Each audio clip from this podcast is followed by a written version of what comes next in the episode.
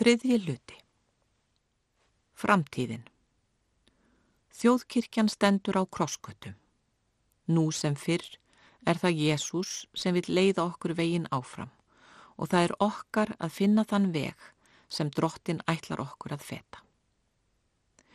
Við búum ekki lengur við óbrúaðar ár eða aðra farartálma. Við búum ekki við stópulan fréttaflutning heldur sendingar sem berast heimsálfa á milli á örskot stundu. Heimurinn er að breytast og við þurfum nú sem aldrei fyrr að vita á hvaða grunni við stöndum. Það hefur reynst þessari þjóð blessun að byggja á þeim gildum er Kristur byrti og bóðaði. Við skulum ekki fyrirverða okkur fyrir fagnaðar erindið og ekki heldur leggja niður fræðslu um það. Umfjöllun um þjóðkirkuna í fjölmiðlum gefur sjálfnast til kynna að hún eigi sér mikla framtíð.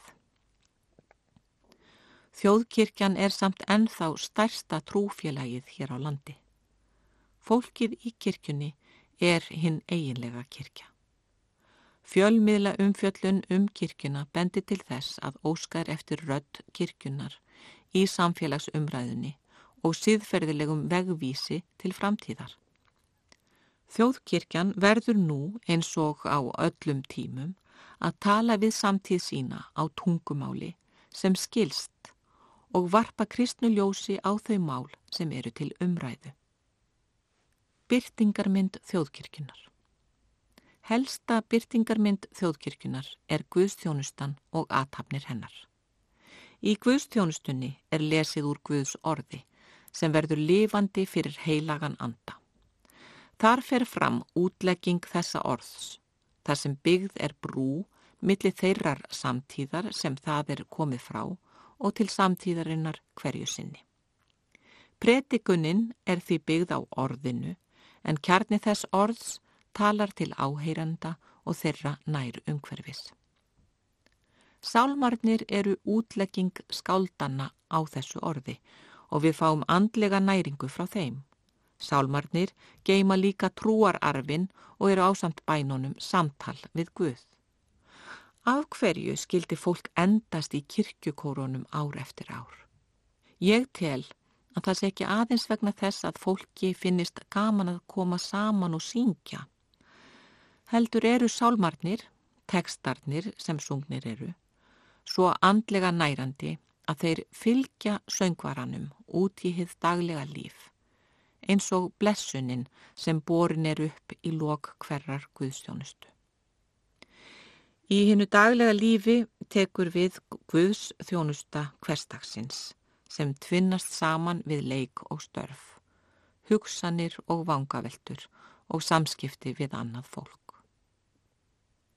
Kirkjan á ekki aðeins samleið með fólki í gegnum helgihald Guðstjónustunar Heldur ekki hvað síst í gegnum aðtapnirnar, skýrn, fermingu, hjónavíkslu og útför.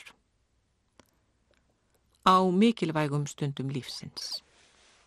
Skýrninni fylgir fræðsla sem og fermingunni. Fræðslustarf kirkjunar er mikilvægt, engum í nútíma samfélagi. Á næstu árum þarf að stór auka fræðslustarfið. Einnig þarf að auka leiðtógafræðslu því það eru ekki aðeins prestar og djáknar sem sinna fræðslu í kirkjunni, heldur einnig fólk sem þjálfað hefur verið til slíkra verka. Fjarkensla og þau tækifæri sem tækni nútíma skefur hljóta koma þar stert inn. Hver eru viðtakendurnir? Þjóðkirkjan stendur á gömlum grunni, starfar og þjónar nú og hugar að stöðu og þjónustu í framtíðinni. Stöðugt er verið að betrum bæta og huga því að koma fagnaðar erindinu á framfæri við núlifandi og komandi kynnslóðir. Við sköpum framtíðina á hverjum einasta degi. Það sem gert er og sagt er hefur ekki aðeins áhrif á það sem er, heldur einnig það sem verður. Kynnslóðir koma og kynnslóðir fara. Hugsunarháttur og lífsviðhorf breytast. Fólkið í kirkjunni er af mörgum kynnslóðum. Hver kynnslóð deilir sameileri reynslu og viðhorfum sem hefur áhrif á lífskoðanir hennar, viðhorf og gildi. Reynda kynnslóðin er elsta kynnslóð núlifandi Íslendinga. Þau sem fættust á árabilinu 1922 til 1943 er kynnslóðin sem setti vinnuna í öndvegi og síndi mikla hotlustu og tryggð gagvart vinnustafnum.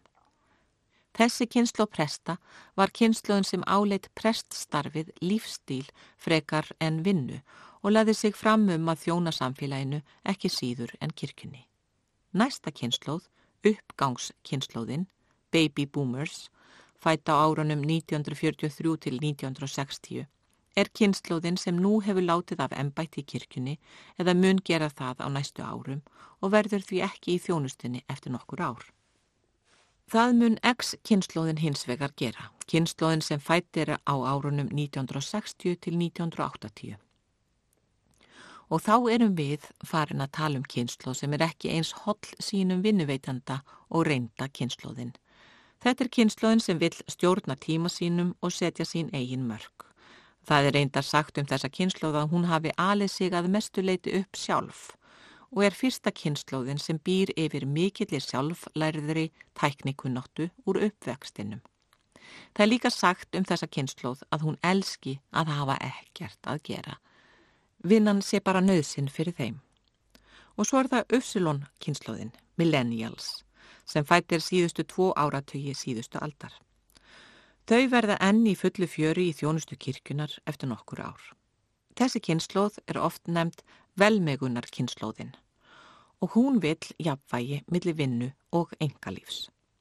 Þetta er kynnslóðin sem líkar teimisvinna í starri prestaköllunum og er talin hafa yfirburðatekkingu og mentun í samaburði við fyrri kynnslóðir. Þessi kynnslóð er viljúk til vinnu en þarf jafnframt sveigurum til að geta synt sínum personulegu þörfum. Seta kynnslóðin er kynnslóð upphafs 21. aldarinnar og þau eldstu af þeirri kynnslóð verða orðin leiðtógar í kirkjunni eftir nokkur ár. En það þarf að halda vel á spöðunum af því að þetta er kynnslóðin sem jafnvel er óskýrð og lítið frætt um kristindómin og gildi þess að sækja kirkju ný sköpun. Kirkjur heimsins og þar með okkar kirkja hafa aðminnstakosti tvent sem aðrir hafa ekki. Það er helgihaldið og sálgæslan. Við þurfum að taka okkur á í helgihaldinu í víðustu merkingu þess orðs og endur skoða orðaforðan í sambandi við það. Við lifum í fjölmenningarsamfélagi. Í 50 ár hefur samstarfsnemnd Kristina Trúfélaga starfað. Í mínu ungdæmi störfuðu Kristin Trúfélug hvert í sínu horni. Nú er góð samvinna millir þeirra og gagnkvæm virðing og væntum þykja. Frá árinu 2006 hefur samráðsvettfangur trúarbræðana starfað og það samráð hefur vissulega aukið þekkingu og skilning millir þeirra. En það ríkir þar einni gagkvæm virðing og væntum þykja. Við skulum örug ganga fram í bóðun og verkum í kirkjun okkar, þannig að allir viti fyrir hvað við stöndum. Það er nú brítna en nokkru sinni. Fjöldi skráðra trúfélaga hér á landi er rúmlega 40 mörg þeirra kristin en önnur ekki. Flóttamenn eru fleiri í heiminu nú en oft áður og þeir leita líka hælis hér á landi eins og kunnugt er. Þeir flytja með sér siði og venjur frá sínu heimalandi sem við kynnumst og það mun öruglega auðga kirkjuna okkar í framtíðinni. Fjölmenningu skulum við ekki óttast en það ókristilegt í alla staði að láta óttan stjórna lífi okkar og gjörðum. Sagt er að komandi áratugur verði áratugur nýsköpunar. Það er mikil gerjun í Guðfræði samtímans. Guðfræði umræða er að aukast utan Guðfræði deildar og innan kirkjunar og jafnvel í samfélaginu með þýðingu og útgáfu í missa Guðfræðibóka. Auk þess sem YouTube og hlaðvörp eru gjöful á góða Guðfræði fyrirlestra og kynningar. Allt þetta hefur áhrif sem og aukin mentun presta, bæði fyrir Guðfræðinám og eftir. Aldrei hefur Ísland alið fleiri doktora í Guðfræði en nú um stundir og allt bendi til að þeim fari frekar fjölgandi en fækandi. Símentun presta er orðin staðreind. Allt þetta hefur áhrif á kirkuna og breytir henni smám saman. Stefnur og ströymar berast ekki úr einni átt og auðgar það kirkju okkar að verða fyrir áhrifum frá austri og vestri, norðri og söðri. Nýsköpun í helgihald er hafin og mikil þróun á þeim vettfangi. Á 2001. öldinni hefur kirkjan, bóðskapur hennar og guðfræði áhrif á viðhorf fólks til brítna, samfélags- og samtímamála sem sé umhverfismála, mannréttindamála og velferðamála. Bóðskapur kristinar trúar um réttlæti og frið, kærleika og virðingu skilar sér, jafnvel þótt fólk áttis ekki á því hvaðan hann kemur. Þáttaka kirkjunar í umræðu og framkvæmt um umhverfismál og mannréttindamál er málefni kirkjunar á 2001. öldinni. Við spyrjum ekki að því hvort náungi okkar sé kristinn. Við réttum honum hönd af því að við erum kristinn.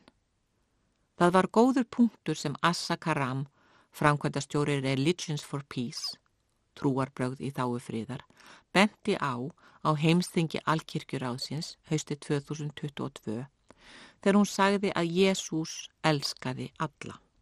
Ekki bara kristið fólk, heldur líka fólk sem aðhyldist önnur trúarbrögð og fólk sem er ekki trúað. Tilgangur kirkjunar og hlutverk er að bóða kristna trú í orði og í verki. Markmið hennar er að koma þessum bóðskap til skila til komandi kynnslóða. Til þess notum við allar tiltækar leiðir. Verk að vinna. Sálmabókin. Ný sálmabók kemur út á þessu ári. Hún hefur verið í vinslu margra ára skeið en hún geymir trúararfin. Sálmakveðskapurinn byrtir reynslu heimskáldana af samleið sinni með Guði sem og safnaðarins sem syngur. Í nýju sálmabókinni eru bæði gamlir og nýjir sálmar, þekktir og óþekktir. Margir hafa lagt hönd á pló við gerð þessarar nýju bókar, fræðingar á sviði bókmenta, íslensku, tónlistar á samt fleirum. Það er tilhlökunar efni að fá þessa nýju sálmabók og velverður innihald hennar kynnt svo allir landsmenn fá að njóta. Handbókin Handbók Íslensku þjóðkirkjunar hefur verið í vinslu um margra áraskeið með hljöfum þó. Nú vinnur fagfólk að gerð nýrar handbókar en í henni eru leiðbeiningar um framkvæmt aðtapna og annars helgihalds. Biskup ber ábyrð á því verkefni eins og sálmabókarvinnunni. Handbókin er einingarband og vittnisspurður um samstöðu í tjáningu trúar og siðar á grundvelli hjáttninga evangelísk lúterskar kirkju og veitir leiðbynningar um guðstjónustu og helgihald. Síðasta handbók kom út árið 1981 og var til reynslu. Það hefur því komist góð reynsla á hana á 40 árum. Ég tel nöðsynlegt að fólk geti farið í guðstjónustur hvar sem er á landinu og fundið að við erum öll á sömu blaðsjöðinni hvað helgihald varðar í almennum guðstjónustum. Það er orðin misbrestur á því enda margt í málfari og guðfræði sem hefur breyst á 40 árum.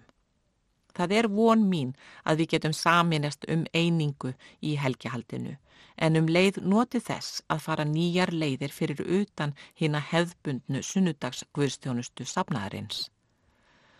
Málfar hefur breyst mjög í setni tíð og nöðsynlegt að það sé skiljanlegt þeim sem til kirkjunar koma. Þó að Guð skilji bænir á öllum tímum og breytist ekki, þá breytist mannfólkið og tímarnir og er það hlutverk kirkjunar að koma bóðskapnum til skila á því máli sem talar inn í aðstæður fólks hverju sinni. Vísitasjur Biskup Íslands vísiterar söpnuði þjóðkirkjunar að minnstakosti einu sinni á sinni biskupstíð. Vísitasjur eða heimsóknirnar sína svo ekki verð Vísitasjurnar eða heimsóknirnar sína svo ekki verður umvilst að þjóðkirkjan býr yfir miklum mannauði. Hvarvetna sem komið er, hitt ég fólk sem ann kirkjunni sinni. Fólk sem leggur mjög mikið á sig til að sinna þeim verkefnum sem þau hafa tekið að sér. Í sóknanemdunum er eðal fólk sem gefur af sem gefur af tíma sínum og starfskröftum svo að kirkjustarfið megi blómstra í sókninni sinni. Það heldur við kirkjuhúsinu, þrýfur það og sér til þess að allt sé til reyðu þegar guðstjónustur eða aðrar aðtapnir fara fram. Það er þakkarvert og eftirtektarvert að þau er að varðveita menningarminjar þjóður okkar og menningararfin sem Kristinn Trú hefur lagt til þessa samfélags. Það gera þau í sjálfbóðinni þjónustu en ekki launaðri vinnu. Hið sama má segja um þau öll sem syngja í kirkjukórunum, um land allt og eru ávalt tilbúin til að syngja þegar áþarfað halda.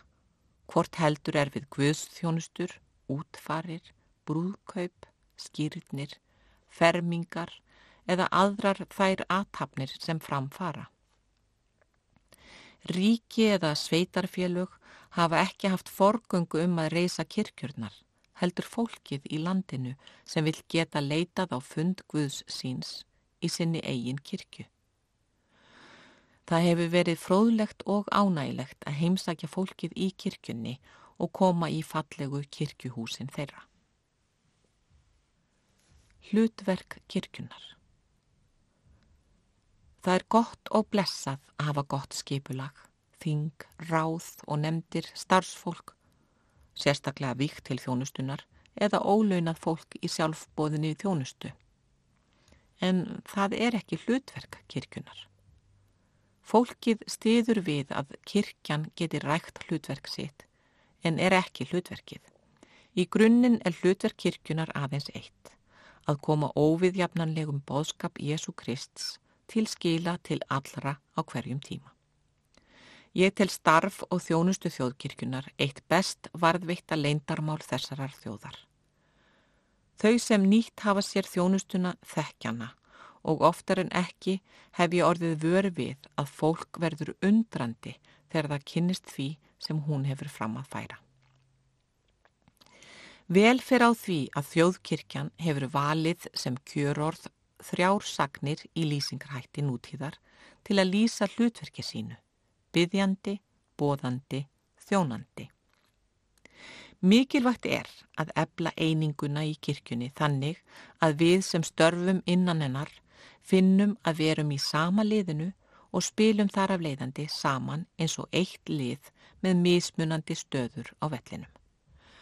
Við þurfum ekki og eigum ekki að vera sammála um alla hluti en umræðan á að leiða til sameilegrar niðurstöðu í mikilvægum málum. Góður vinur minn benti mér á þrjú hugtök sem sátu í honum eftir lestur Ímisa bóka og hlustunar á Ímis hlaðvörp um kirkjuna. Kirkjur, að minnstakosti í hinnum vestræna heimi, eru allar að kljást við sama vandamálið, það að meðlimum þeirra fækkar. Þessi hugtök eru vakna, þroskast og þjóna. Þegar við lítum á eigið líf þá eru þetta hugtök sem við öll reynum á þroskaferðlu okkar. En þau geta líka verið gagleg þegar við hugsum um hlutverk kirkjunar í heiminum. Kirkjan þarf að vakna til vitundar um hlutverk sitt og vera brennandi í andanum fyrir því að leiða fólk til trúar á Krist. Hún þarf að þroskast, vaksa og dapna en það stendur hún á traustum grunni fagnar erindisins. Þjóðkirkjana á Íslandi á að halda áfram sem aldrei fyrr að þjóna þeim sem til hennar leita með aðtapnir, sálgæslu, næringu og fræðslu. Að vera og gera. Í fyrstu orðum biblíunar í fyrstu Mósebók, sjálfur er sköpunarsögunni, segir að í upphafi hafi Guð skapað heiminn og jörð. Jörðin var þá auð og tóm, myrkur grúfði yfir djúpinu en andi Guðs sveif yfir vötnunum. Þá sagði Guð, verði ljós og það varð ljós. Guð sagði og það varð. Guð er og gerir. Þannig byrtast verk Guðs en ekki Guð sjálfur. Kirkjan er, en áður en hún varð, var Guð. Kirkjan er og gerir. Hún er til staðar og gjörðir hennar byrtast til dæmis í Guðstjónustunni þar sem við söpnumst saman, syngjum, byggjum, hlustum. Játum, tökum á móti brauði og víni, erum blessuð og send. Vera kirkjunar byrtist í þjónustu hennar. Hún er alltaf til staðar og fyrir mörgum er hún hljóð og kurteis og býður þess að eftir þjónustu hennar sé leitað. Kristin einstaklingur er og gerir lifir í von sem er samfléttu trú og kærleik. Vonin gengur með okkur lífsins veg, í gegnum gleði og sorg, hamingju og vonbreyði, heilbreyði og sásöka. Hún nærist af trúnni og bæninni og lætur okkur vera og gera. Nýjir tímar Nýjir tímar far nú í hönd í þjóðkirkjunni. Viðbóta samkummelag ríkis og kirkju felur í sér breytingar á skipula í kirkjunar. Mörgum spurningum er ósvarað þó að mynd sé að komast á stærstu áskoranirnar. Byð ég þess að þjóðkirkjan eblist og dapni vel í þessu nýja skipulagi. Marta breytist þegar lög verða fæld niður og kirkjuþingið ákveður enn fleira en áður. Hins vegar vil ég leifa mér að minna á að ennstendur í stjórnarskráni að ríkið skuli styðja og venda þessa evangelísku lútersku kirkju. Því hefur ekki verið breytt. 60. önnur grein sem skilgreinir hérna evangelísku lútersku kirkju sem þjóðkirkju Íslands má breyta með lögum en fyrsta málskrein 79. greinar segir að auki að slík breyting þurfi samþykki í leinilegri þjóðaratkvæða greiðslu. Kirkjuráð er ekki lengur til. Sóknirnar eru sjálfstæðar. Kirkjuþing hefur fleiri verkefni og ber meiri ábyrð. Öll stefnum við að sama marki og höfum okkar hlutverk í kirkjunni til að ná því. Orð sér að Mattíasar í sálminum eru gagnlegur grunnur í nýli vegferð. Legg þú á djúpið eftir drottins orði og æðrast ei, því næja mun þinn forði. Þótt ómaks för þú farir marga stund. Ef trú og dáð og dugur eið þig svíkur, er drottin lífstíns en þá nógu ríkur og mild hans mund. Hvar stöndum við og hvert viljum við stefna? Það er málefni kirkjunar á hverjum tíma. Þó að prestar séu ekki lengur ennbættismenn ríkisins heldur venjulegir launamenn eins og flestir í þjóðfélag okkar Þá er ekki þar með sagt að þjóðkirkjan hafi breyst úr stopnun í fyrirtæki við breytingarnar sem tóku gildi um áramótin 2021 og 2022. Þjóðkirkjan er ekki fyrirtæki. Hún starfar vissulega í heiminum með fólki og fyrir fólk og ber að fara eftir lögum og reglum þess þjóðfélags sem hún starfar í. En hún hefur líka sín andlegu lög stjórnarskrá sem nefnt hefur verið skýrnarskipunin eða kristnibóðsskipunin. Og Jésús kom til þeirra, talaði við þá og sagði Allt vald er mér gefið á himni og jörðu. Farið því og gerið allar þjóðir að læri sveinum. Skýrið þá í nafni föður og sonar og heilags anda og kennið þeim að halda allt það sem ég hef bóðið yður. Sjá, ég er með yður alla daga allt til enda veraldar. Það er ljóst að ytri skilirði þurfa að vera fyrir hendi svo hægt sé að skýra og kenna. Mentun þarf einnig að vera til staðar hjá prestum, djáknum, organistum og öðrum sem starfa á vegum kirkunar. En ef trúna vandar og vonina og kærleikan sem henni fylgir, er ekki hægt að skýra og fræða. Trúariðkun Trúin er gjöf sem öllum mönnum stendur til bóða. Bæði skýrðum og óskýrðum. Sá einstaklingu sem ekki fær að kynnast trú í æsku er vanbúnari til að taka afstöðu til kristinar trúar á fullorðisárum heldur en sá sem hefur úr einhverja að velja. Sá sem til dæmis hefur ekki kynst skýða íþróttinni í æsku. Verður aldrei eins fær í skýða íþróttinni og sá einstaklingur sem fekk leiðsögn foreldra eða vina strax í æsku. Það sama á við um trú og trúar yðkun. Að yðka trú er eins og önnur yðkun. Færnin kemur með æfingunni og því meiri sem hún er, því dýrmætari er hún í dagsins önn. Það tekir sjálfsagt að börn æfi íþróttir eða læri á hljóðfæri. Til að ná þar færni þarf dágóða ástundun. Það barn sem ekki fær að kynnast trúariðkun heima eða í kirkju er verðstatt á lífsins vegi þegar út af bregður og áföll verða. Heldur eins og manneskja sem veit hvert hún getur leitað þegar ábjátar. Tiltækt. Svo er það markmiðin sem þarf að vinna að og geta verið langklaup og þau verkefni sem þarf að hlúa að, svo sem viðhald húsa utan sem innan. Það þarf einnig að taka til og þrýfa. Stundum hefur mér fundist á biskupstíð minni ég geta tekið undir orðin hennar Yngibjargar Haraldsdóttur í ljóðinu kona. Þegar allt hefur verið sagt, þegar vandamál heimsins eru vegin og metin og útkljáð, þegar augu hafa mæst og hendur verið þrýstar.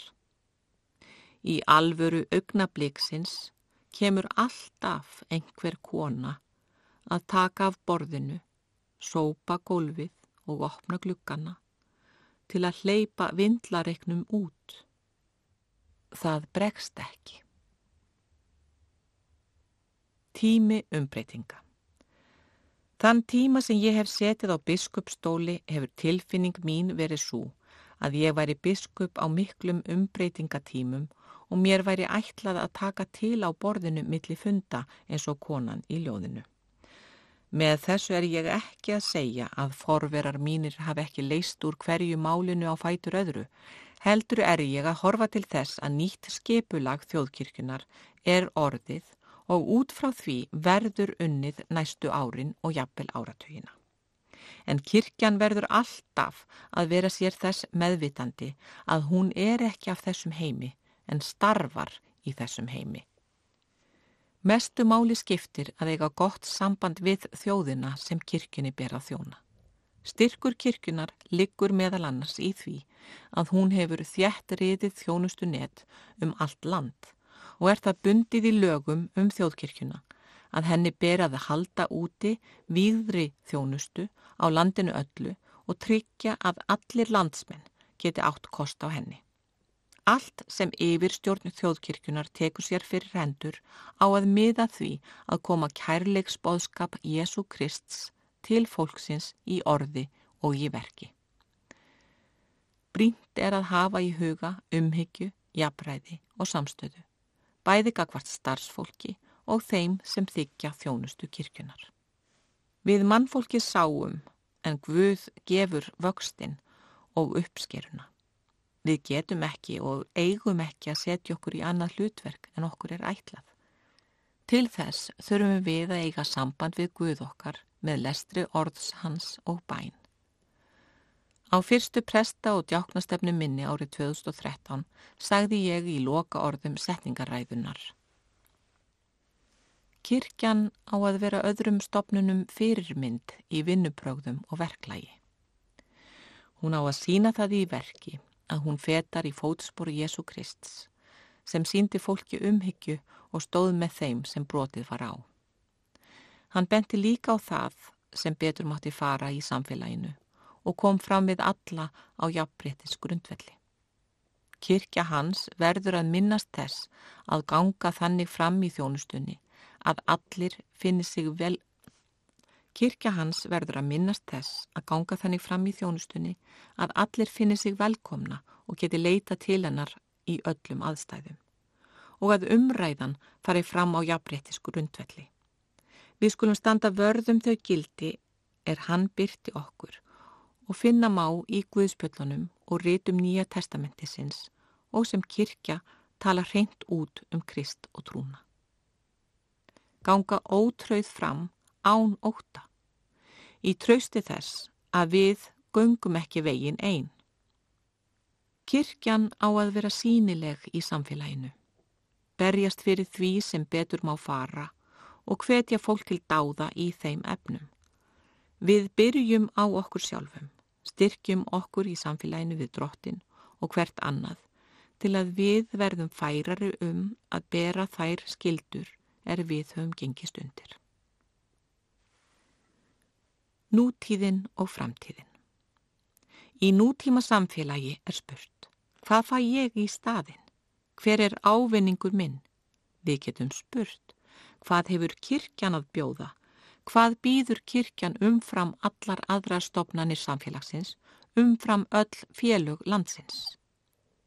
Á tímum hraða og spennu þyrstir margan mannin í kyrð og innri frið. Í kirkjum landsins er hægt að finna þann frið sem er æðri öllum skilningi.